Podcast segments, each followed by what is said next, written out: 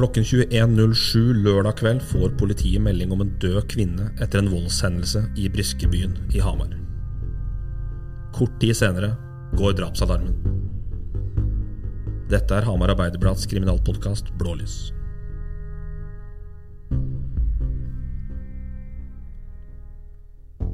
Krimjournalist og debattleder i Hamar Arbeiderblad, Trond Svendsen, du var veldig raskt på stedet etter at uh, meldingen om et mistenkelig dødsfall og en død kvinne kom sent lørdag kveld.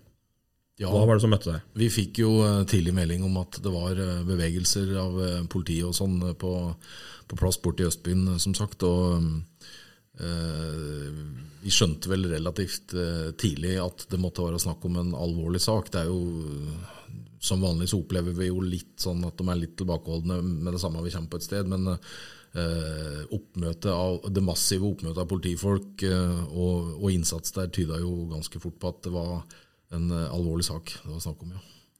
Hva var det som var der? Hvor mange fra nødetatene var på stedet? Jeg tror jeg telte eh, seks politipatruljebiler, og så var det vel en ambulanse der. Den hadde dratt da jeg kom fra stedet. Eh, men, eh, så, så det, var, det, var, massivt oppbud. Og um, på tur inn eh, på, på denne adressa så la jeg òg merke til at uh, utafor politihuset på Hamar så var det satt opp sperring. Med sperrebånd foran inngangspartiet, og det sto en uniformert polititjenesteperson. Jeg husker ikke om det var en mann eller kvinne, men i hvert fall sto det en person der og, og helt åpenbart passa på noe som uh, kunne til forveksling ligne på et åsted, og det stussa jeg veldig over. Altså, Hvorfor i alle dager er det en sperring utafor politihuset? Så vi, vi sikra oss et tidlig bilde av den, og, og, fikk vel en liten følelse av at den kunne være relevant for saken. Ja.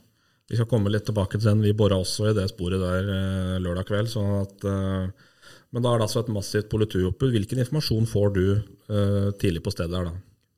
Det som ble sagt, var, var at det var en alvorlig hendelse. Det er, et, det er, jo et, uttrykk som politiet etter hvert har på en måte adoptert på riksplan, på, som blir brukt i sånn, det du kan kalle initialfase, tidlig fase, i alvorlige saker, uh, der de ønsker å være på en måte sende et signal om at dette er en alvorlig sak, men de ønsker ikke å være veldig konkrete. Og I dette tilfellet så var det jo, var det jo snakk om kort kort tid etter at alarmen hadde gått. og og her var vi kanskje i gang med pårørendevarsling og den type ting, så de, de ville holde igjen litt.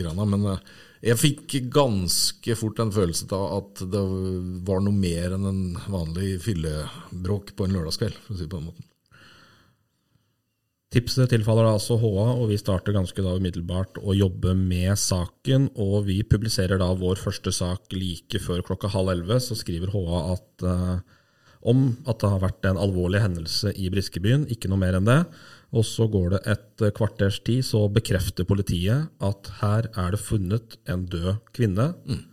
og at dødsfallet er mistenkelig. Ja, og det kom ikke som noe bombe eh, at, at det var eh, såpass alvorlig.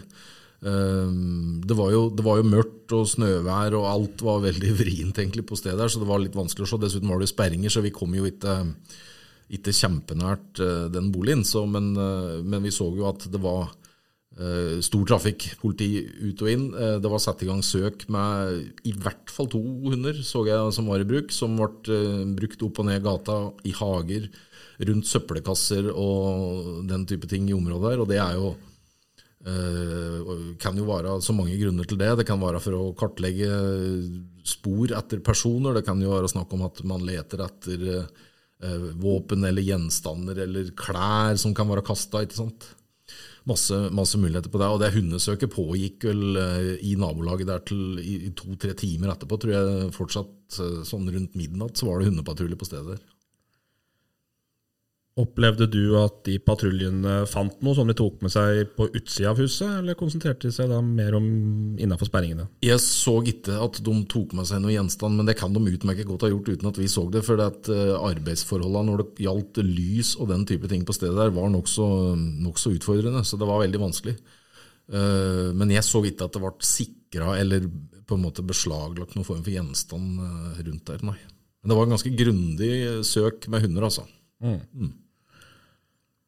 Mm. Og så går det en time til. Vi får i den første pressemeldinga mm, beskjed om at uh, politiadvokat Tom Berntsen er uh, ledig om en, noen minutter, og vi havner i kø der sammen med resten av uh, Presse-Norge. Ja, dette sprakk jo Det er klart, dette sprakk jo Riks når det første kom.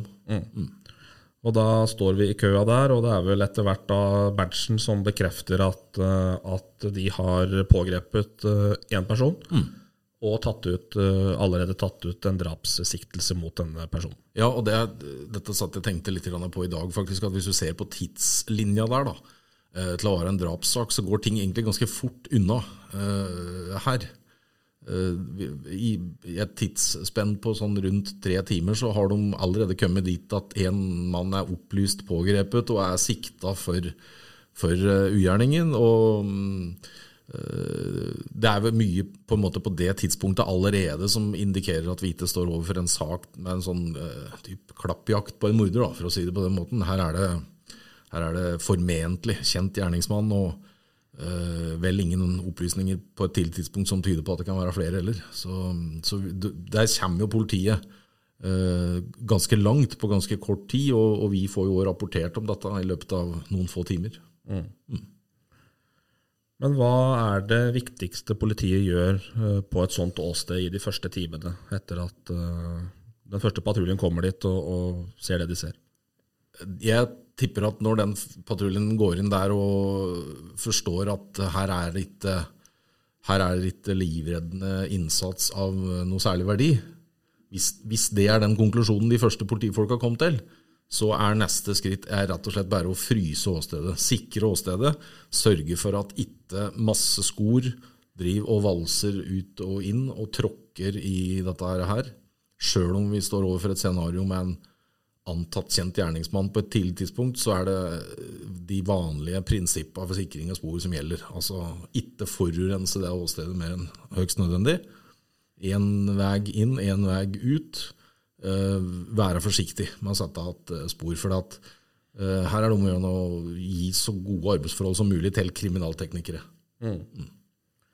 Og det gikk litt tid før kriminalteknikere var på plass. De kom vel utpå natta der, gjorde de ikke det? Ja, de kom sånn i Jeg lurer på om de kan ha vært der sånn i et, to, tre-draget eller noe rundt der. I hvert fall så, så ble det litt over midnatt tror jeg, før de kom. Og det er klart at uh, dette er lørdagskveld. og og kriminalteknikerressurser er jo spredd utover hele Innlandet politidistrikt, så det skal jo samles sammen litt. Og vi fikk jo òg mm, tidlig en indikasjon om at de ba om eh, bistand fra nasjonalt uh, bistandsorgan, altså Kripos, da, som er, eh, er tidlig varsla, slik jeg har forstått det, i denne, i denne, saken her. Det er jo noe vi leser ofte om, og som er litt sånn signalord i kriminalsaker. Bistand fra Kripos, enten ja. er taktisk eller teknisk ja. etterforskning. Så hva betyr det? Ja, Det er en veldig rund uh, sekkepost, egentlig. da, Men det, det betyr jo alt ifra ren, konkret teknisk bistand, altså um, Eh, Innlandet politidistrikt har jo sine egne eksperter og krimteknikere som, som gjør jobben, men det er klart at uh, Kripos har uh, Det er spisskompetansen sant, på nasjonalt nivå. Og Det fine med Hamars beliggenhet er at det er bare litt over en time fra Oslo. Så det er, det er ganske smal sak som regel å få en bistand, eh, ressurser opp, da, for å Eh, ja, sørge for at det blir maksimal sikring av, eh, av, spor og sånne ting. Og det har, jo, det har, jo, også med rettssikkerhet for den personen som blir sikra. At, eh, at et åsted er så godt dokumentert og sikra og undersøkt som overhodet mulig. Ja, må de be om den bistanden, eller er det et frivillig valg de det har? Er, det er nok en vurdering som blir gjort av politidistriktet i hvert enkelt tilfelle, men vi, vi ser jo at de ja, saker med dødelig utgang, sånn som det er her, så er det jo er det vel mer regelen enn unntaket. Og ethvert politidistrikt, tror jeg, med, eh, med, alt som hadde vært de siste åra, med, med, tvil om skyld og straffesaker og gjenopptagelser og, og, hele den pakka der, så tror jeg at ethvert politidistrikt heretter har den lista liggende relativt lavt, altså, for å be om hjelp. Eh, det er mye bedre å dra ut litt ekstra med ressurser enn å sitte i etterkant og angre på at en ikke gjorde jobben. Og så drar vi tidslinja litt videre. Da kommer kriminalteknikerne på plass eh, i løpet av natta, og du er tilbake på åstedet en tur søndag morgen. Ja. Eh, hva ser du da, når det har blitt lyst? Jeg var der i 60-tida, og da drev det så smått og lysna på litt, og hadde slutta å snø, så det var litt enklere å holde oversikt. Da var det to-tre biler med krimteknikere som eh, i disse her klassiske hvite kjeledressa og blå sokker på bena, som gikk inn og ut av dette her huset. Eh, og vi vet jo at de har en sånn veldig sånn systematisk og metodisk tilnærming til det de gjør. ikke sant? Dette her er, eh, dette er ikke snakk om gjetning og føle seg fram. Her er det, her er det innøvde rutiner og sikring av spor. Vi vet at de har masse muligheter for å lyssette og blende av åsteder ikke sant? for å ja, dokumentere blodspor. Alt dette her er jo det er for så vidt ganske kjente ting. Eh, og jeg vil anta at hele den pakka er blitt utført i dette huset her nå i løpet av natta og morgenen. Og da kommer altså bekreftelsen i løpet av uh, søndag formiddag om at uh, uh, som vi visste, at det er en mann i 30-åra som ble sikta for drap. Og så kommer også bekreftelsen på hva de sperringene utafor politihuset var. Vi fikk jo, som du sa, bekrefta på lørdag kveld at Ja. det hadde med saken å gjøre. Ja.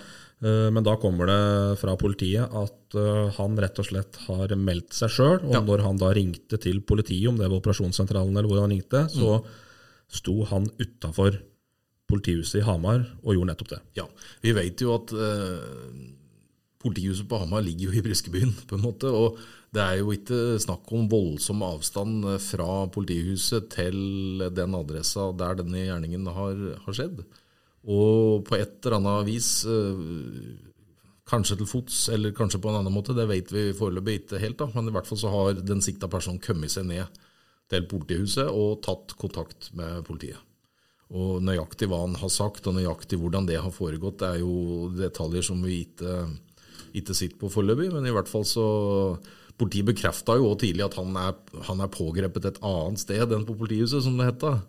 Og, nei, eller enn på, enn på åstedet, unnskyld. Og det er klart at det, det var for meg òg en indikator på at de sperringene som vi så utafor der, var helt åpenbart hadde relevans til saken.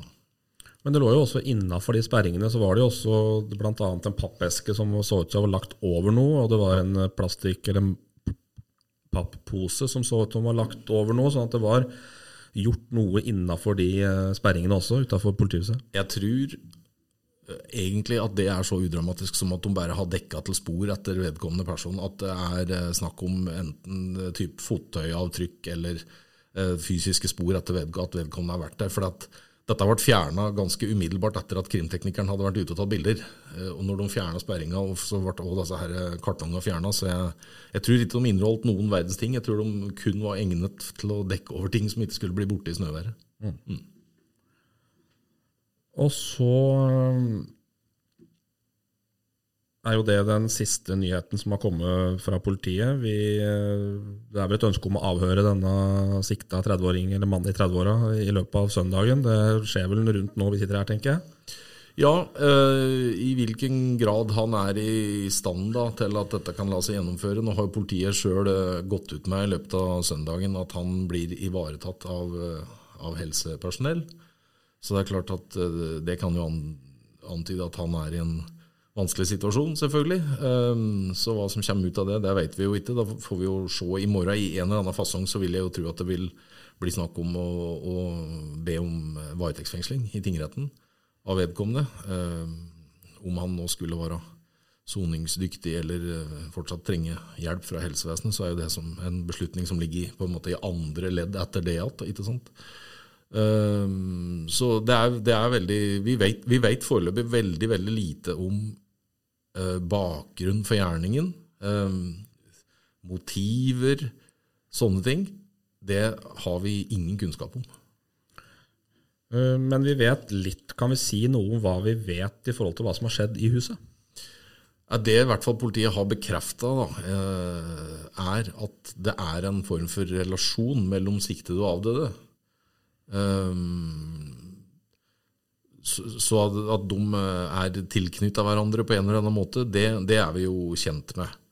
Eh, Men vi vet eh, veldig lite om oppseilinga til selve hendelsen. Så det, det er jo et av de store spørsmåla er jo selvfølgelig eh, hvorfor. Eh, Hvorfor har dette her skjedd? Det er jo en, er jo en veldig, veldig, veldig alvorlig sak med en eh, veldig veldig høy strafferamme for den som er sikta for det, hvis den skulle bli domfelt for drap. Så det, det er foreløpig litt i det blå. Vet vi noe om hvordan dette har skjedd? Ja, vi har informasjon om at den avdøde kvinna er påført uh, grov ytre vold, i hvert fall. Det er vel det vi kan si om det er per nå. Uh, og så jobber vi jo ganske tett opp mot å, å, få litt mer informasjon om det etter hvert. Politiet har vært tilbakeholdne med om det er beslaglagt noen form for gjenstander eller våpen eller den type ting i saken. Så det, det vet vi foreløpig ikke, men uh, det vi vet er at hun skal i hvert fall ha vært påført uh, grov ytre vold som, som, gjorde at hun døde av skaden. Så har jo også Hamar Arbeiderblad vært i Briskebyen. Dette er jo et uh, villastrøk rett ved Briskeby, mellom Rørosbanen og Briskeby, egentlig. Masse boliger i området. Og vi har vært og prata med, med, flere naboer der, og den saken kan du lese på ha.no, men der er det naboer som forteller at de har hørt kvinneskrik i løpet av kvelden. Mm. Mm. Og det er klart at Politiet var jo tidlig i gang med rundspørring i går kveld. Eh, og Det er jo en sånn klassisk arbeidsmetode ved, ved alvorlige saker. At det er om å gjøre å samle inn så mye informasjon som overhodet mulig. Og det er klart at det er lørdagskveld på et tidspunkt der mange eh, kanskje sitte i stua, se på TV, altså, og det ligger mange hus tett i tett i dette området her. De er ganske tett, så det er klart at eh, all sånn informasjon tror jeg det var viktig for dem å få samla inn ganske tidlig. Så jo, kan det jo se ut her også som at uh, den sikta mannen har vært på noe vandring her, uh, i et tidspunkt der det er folk ute? Absolutt en mulighet for at noen har sett den. ikke sant? Og det er klart at uh, det òg er, er, jo noe som er veldig veldig viktig for etterforskere å få kartlagt. Er nøyaktig når og på hvilken måte han kommer seg fra åstedet og ned til, til politihuset. da. Som sagt, jeg har mistanke om at uh, sporingen som ble gjort med de bikkja, kan ha, ha, en viss sammenheng med det. At de prøvde å kartlegge det litt. Men det er, det er en spekulasjon som får stå for min regning. Nå har vi vært gjennom den akutte fasen. Det er uh, sjokk i et lokalsamfunn når sånne ting skjer. Det ser vi på interessen fra våre mm. lesere òg rundt sånne type hendelser. Mm. Uh, vi har vært litt innom hva politi og kriminalteknikere gjør på stedet. Uh, hva skjer videre i dagene nå som, som, kommer i en sånn type drapsetterforskning? Ja, la meg nå først si at Hamar er en ganske snill by i, i, i sånn grov vold, og ikke minst drapsstatistikkmessig. nå har jeg jobbet i denne avisa her i to og et halvt tiår, og vi har ikke hatt veldig mange drapssaker i den perioden. Så, så Hamar har, har, veldig veldig få så alvorlige saker som dette her. Eh, han har jo fått oppnevnt en forsvarer som skal ivareta hans, eh, hans interesse framover. Det er jo advokat Helge Hartz, som er en erfaren straffesaksadvokat, som skal passe på at dette her nå foregår eh, slik det skal i forhold til sin klient. Jeg tipper at det kommer et fengslingsmøte i løpet av mandagen. Og jeg blir ikke overraska om det går som såkalt kontorforretning. altså at det ikke blir noe fengslingsmøte i fysisk forstand, men at det er en dommer som rett og slett skriver en fengslingskjennelse, og så blir siktede tatt hånd om enten eh, av kriminalomsorgen eller av helsevesenet. Det er en naturlig progresjon. Vi får nevne det da, at vi har jo vært i kontakt med Helge Hartz eh, flere ganger både lørdag kveld og søndag. Han har svart oss. og og har eh, nå på formiddagen her og ettermiddagen sittet i møter med sin klient, så han er ikke ferdig med de møtene. og Vi har ikke da fått tak i han i etterkant av det. Han har ikke sagt så mye i forhold til at han ikke har prata med sin klient eh, før vi tok kontakt. Nei, og det er klart at han òg står jo overfor en alvorlig siktelse og en alvorlig sak, så det er klart at jeg skjønner jo det at han må være litt, litt forsiktig i starten med hva han kan si. Men fra politiets side, da, etterforskningsmessig, øh, hvis man får en fengslingskjennelse etter hvert der, og hva skjer da videre de neste dagene i en sånn sak? Nå er det, de, de, nærmeste dagene vil det pågå innsamling av informasjon. Avhør. Eh, naboer som eventuelt kan ha sett og hørt noe, vil bli på en måte litt mer detaljert avhørt, tipper jeg. Er, er naturlig å gjøre. Og så blir alt dette her eh, samla sammen etter hvert. Og, og vi, vi, det er som sagt, vi, vi, er jo i en fase som ikke er veldig um, kritisk på den måten at vi har, vi har ingen jakt på en drapsmann i byen. ikke sant?